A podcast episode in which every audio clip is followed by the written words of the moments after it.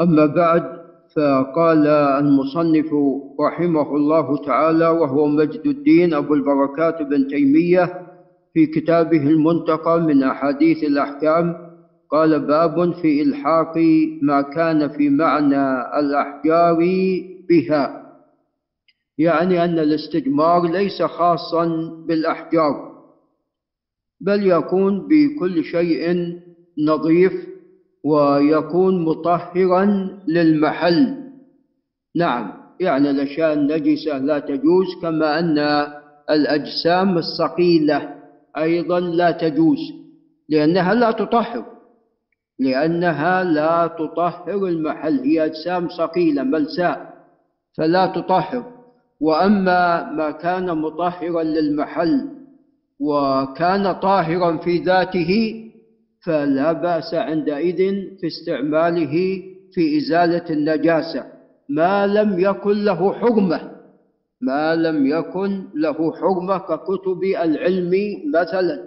نعم فهذه شروط ثلاثة. إذا توفرت في الشيء جاز استعماله في الاستجمار وفي إزالة النجاسة.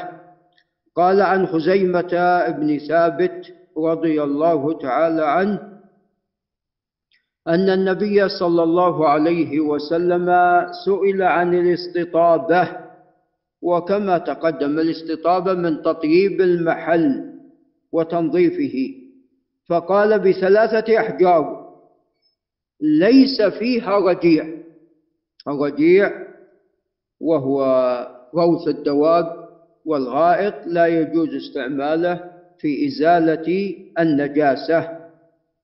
قال رواه أحمد وأبو داود وابن ماجه. قال وعن سلمان أي الفارسي رضي الله تعالى عنه قال أمرنا يعني النبي صلى الله عليه وسلم ألا نكتفي بدون ثلاثة أحجار. ليس فيها رجيع ولا عظم. قال رواه أحمد وابن ماجه وهو في مسلم تقدم. ولفظ مسلم قال أو أن يستنجي أحدنا بأقل من ثلاثة أحجار فلا يجوز الاستنجاء بأقل من ثلاثة أحجار. أو أن يستنجي برجيع أو عظم. العظم هو زاد الجن والرجيع هو زاد دوابهم نعم.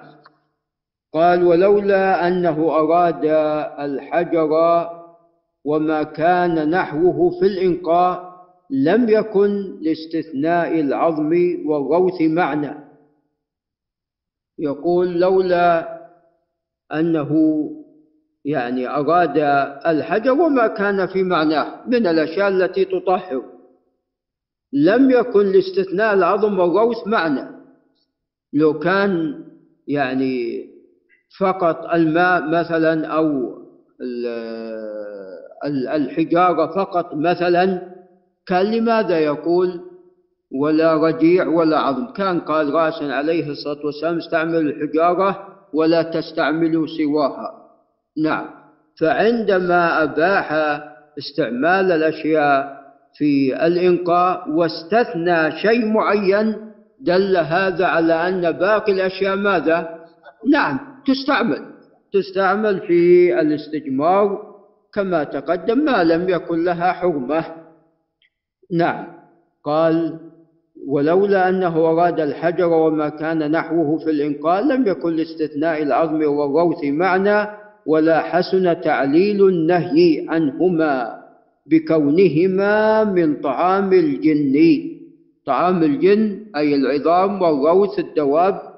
فعلل هذا بذلك. غيرها ليست كذلك. إذا يجوز. قال وقد صح عنه التعليل بذلك كما في حديث أبي هريرة الذي أخرجه البخاري ومسلم. أخرجه من حديث ابن مسعود وسوف يأتي. نعم ولا نعم عفوا قال باب النهي عن الاستجمار بالروث والرمة. والرمة هي العظم البالي قال عن جابر بن عبد الله رضي الله عنهما قال نهى النبي صلى الله عليه وسلم أن يتمسح بعظم أو بعرة رواه أحمد ومسلم وأبو داود.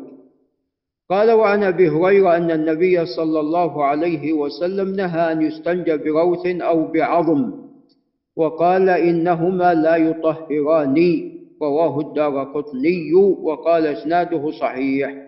وهذا الزيادة هذه الزيادة أنهما لا يطهران ليست بالقوية وقع فيها اختلاف والتصحيحات التي في السنن فيها يعني فيها بعض التساهل فيها بعض التساهل بخلاف ما كان في العلل للدار قطني. نعم.